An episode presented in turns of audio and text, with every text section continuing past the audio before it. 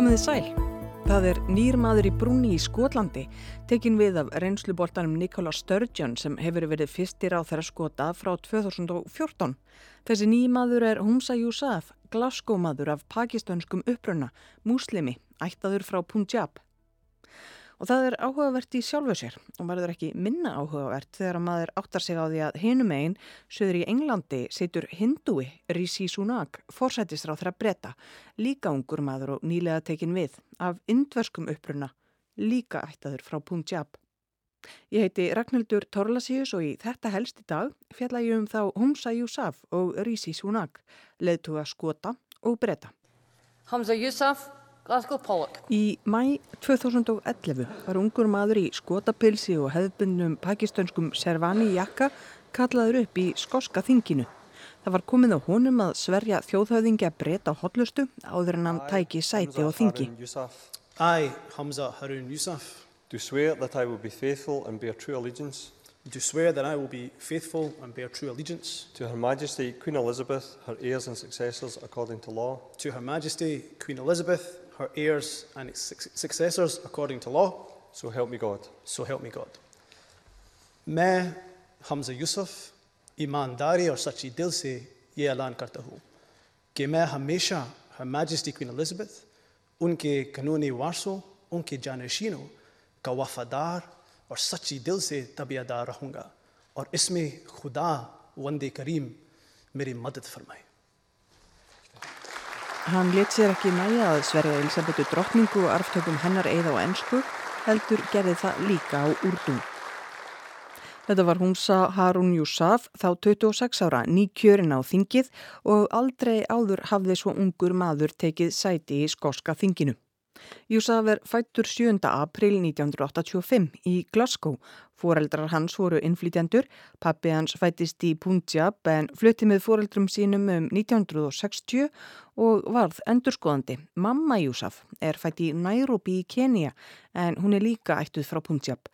Hún flutti á samt fjölskyldu sinni til Skotland sem svipaleiti og föðurfjölskyldan. Þegar að Humsa Yousaf fór í leikskóla voru 95% barnana þar hvítir skotar. Það var bara ég og eitt annað barn þarna með brúnt andlit, sagði hann í bladaviðtali árið 2018. Yousaf gekk í skorska þjóðarflokkin á háskóla áránum í Glasgow þar sem hann lærði stjórnmálafræðin. Hann var aðstóðamaður Bashir Ahmad sem var fyrsti muslimski þingmaðurinn í Skotlandi.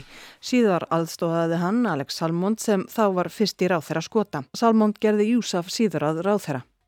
Hann var fyrsti musliminni í ríkistjórn skota og jafnframt fyrsti ráþæran sem að ekki var hvítur. Nú síðast var hann helbreyðisráþæra í stjórn Nikola Sturgeon sem lísti því óvænt yfir fyrir nokkrum vikum að hún ætlaði að láta af embætti. Humsa Yousaf þykir flinkur í að koma fyrir sig orði og líklegur til að ná fólki saman en keppinautur hans um formensku í skoska þjóðafloknum, Kate Forbes, sagði við hann í sjónvarpskapraðum. Þú varst samgöngur á þeirra og þá voru lastatnar aldrei á réttum tíma. Þegar þú varst dómsmálar á þeirra var lágreglan komin að fótum fram og nú þegar þú ert helbriðisra á þeirra hafa bygglistarnir aldrei verið lengri. En þrátt fyrir þessa hörðu krítík hafði hann betur en munurinn var ekki mjög mikill. Á mánudag var hann kjörinleðtögi skorska þjóðaflokksins og á þriðu dag var staðferst í skorska þinginu að hann yrði fyrst í ráþæra Skotlands, sá sjötti í röðinni. En stöldrum við, hvað er fyrst í ráþæra Skotlands?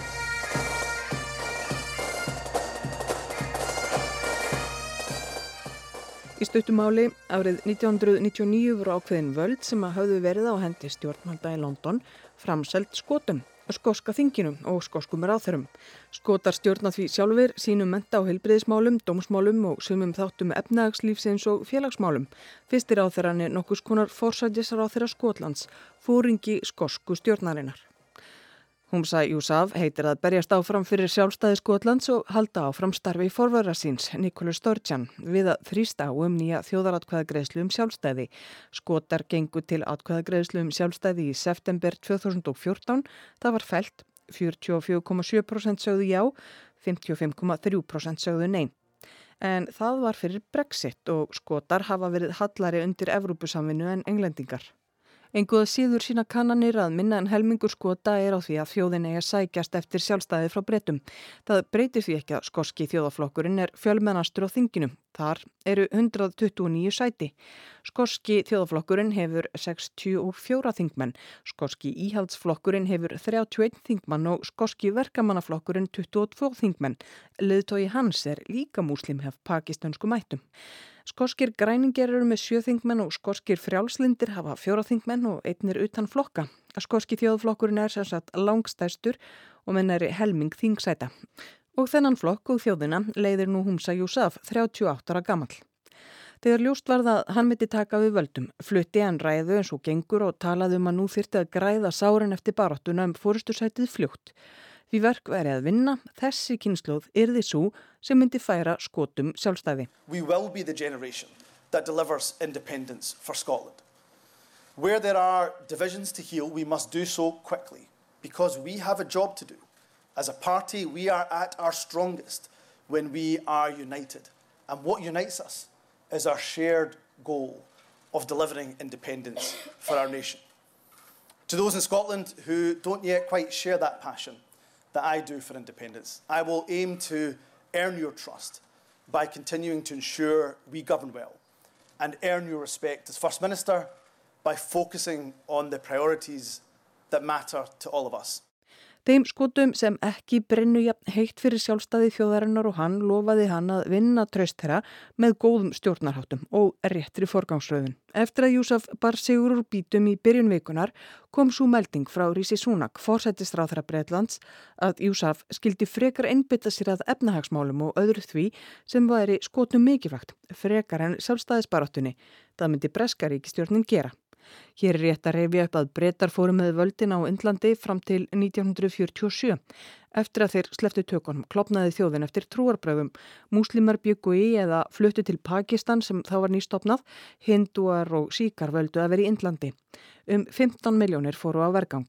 Nú eru afkomundur þessa fólks komnir á valdastólana í gamla heimsveldinu og koma til með að bítast um sjálfstæði Skotlands. Fyrir vettur fjallaði um Rísi Súnak í þetta helst, þá var hann nýttekin við ennbætti forsættisráþra Bretlands. Rifjum upp. Let me tell you a story about a young woman almost a lifetime ago who boarded a plane armed with hope for a better life and the love of her family. Hér heyrið þið Rísi Súnak, nýjan forsættisráð þeirra Bretlands, kynna sig fyrir kjósendum í kostningaauglýsingu eða öllu heldur segja söguna af fjölskyldu sinni. Harðduglegum innflytjendum sem ólu hann upp og komu til manns. This young woman came to Britain where she managed to find a job. But it took her nearly a year to save enough money for her husband and children to follow her. One of those children was my mother, age 15. My mum studied hard and got the qualifications to become a pharmacist. She met my dad, an NHS GP, and they settled in Southampton. Their story didn't end there, but that is where my story began. Family is everything to me, and my family gave me opportunities they could only dream of. Unga konan sem hann segir frá að hafi stíðum borði flugvél fyrir næri heillimannsæfi, vopnuð vonum betra líf og ást til fjölskyldu sinnar, reyndist vera amma hans. Hún lendi í Breitlandi þar sem henni tókst að fá vinnu en það tók hana heilt árað sapna nægu fjö til að koma eiginmanni sínum og börnum til landsins. Eitt þessara barna var 15 ára stúlka sem síðar varð móðir Rísi Súnak, nú valda mestamanns í Breitlandi. Þetta er falleg saga og áferðafögur kostningaauglýsing. Súnak kemur vel fyrir, fremur ungur á pólitískan mælikvarða í það minsta. Hann er fættur í mæ 1980, er yfirlega færtugur, indversk ættaður, ætið sérlega snirtilega til fara og vel greittur, ólíkt forveranum Boris Johnson sem er alltaf einhvern veginn eins og hann hafi sofið yllilega yfir sig. Og Súnak er velmentaður, velkvæntur, mjög velkvæntur, allavega hortir á hjónabandið frá fjárhagslegum sjónarhóli. Egin kona hins nýja fórsættisráð þeirra breyta er ein efnaðasta kona landsins og hann þar með. En meira um það síðar, höldum áfram með fjölskyldusuguna. Súnak er af indverskum ættum, fólkið hans er ættað frá Punjab í norður Indlandi en flutti þaðan til Suðaustur Afriku, þar sem um þrjár miljónir indverja búa. Og það er þaðan sem fjölskyldar Rísi Súnak flutti til Breitlands í kringum 1960, 20 árum áður en að hann kom í heiminn. Móður hans, Úsa Súnak, er fætt á því landsvæði sem að nú tilherir Tansaníu. Hún lagði að sögn Rísis hart að sér í skóla í Breitlandi og stopnaði og rak eigið apotek, Súnak apotekið í Hafnarborginni, Sáþamtón á Suður Englandi, þar sem að fjölskyldan kom sér fyrir. Fadir hans, Jasvir Súnak, er fætur í Kenia og hefur starfað sem heimilisleiknir í nýja heimalandinu. Þau eru hinduar og Rísi Súnak líka fyrstur breskra fórsætistráð þeirra. Það þykir ekkert tiltökumál í Breitlandi en indverjar hafa þeimun meiri áhuga á að nú sé hindúi við stjórnvölinn í gamla nýlenduveldinu. A practicing Hindu, Rishi Sunak was named as UK's Prime Minister on Diwali.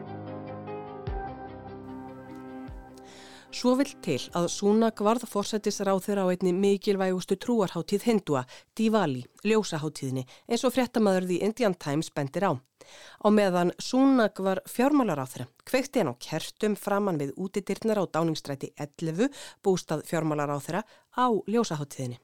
After the 2017 general election, he swore his oath to parliament upon the sacred Hindu text, the Bhagavad Gita. Sunak has said that the Gita comes to his rescue during tough situations and reminds him of his responsibilities. But at times of the most difficulty, what Akshata has done for me is to give me the teachings of the Gita.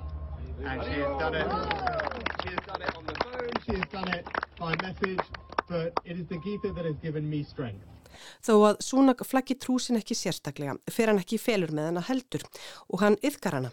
Þegar hann settist á þing sór hann eð við trúaritið bakvata Gíta eða Gíta eins og ritið er jafnan kallað og hann hefur sagt að á erfiðum tímum hafi eiginkonans ringt eða sendt honum texta úr Gíta sem að hafi veitt honum styrk og myndan á ábyrð sína.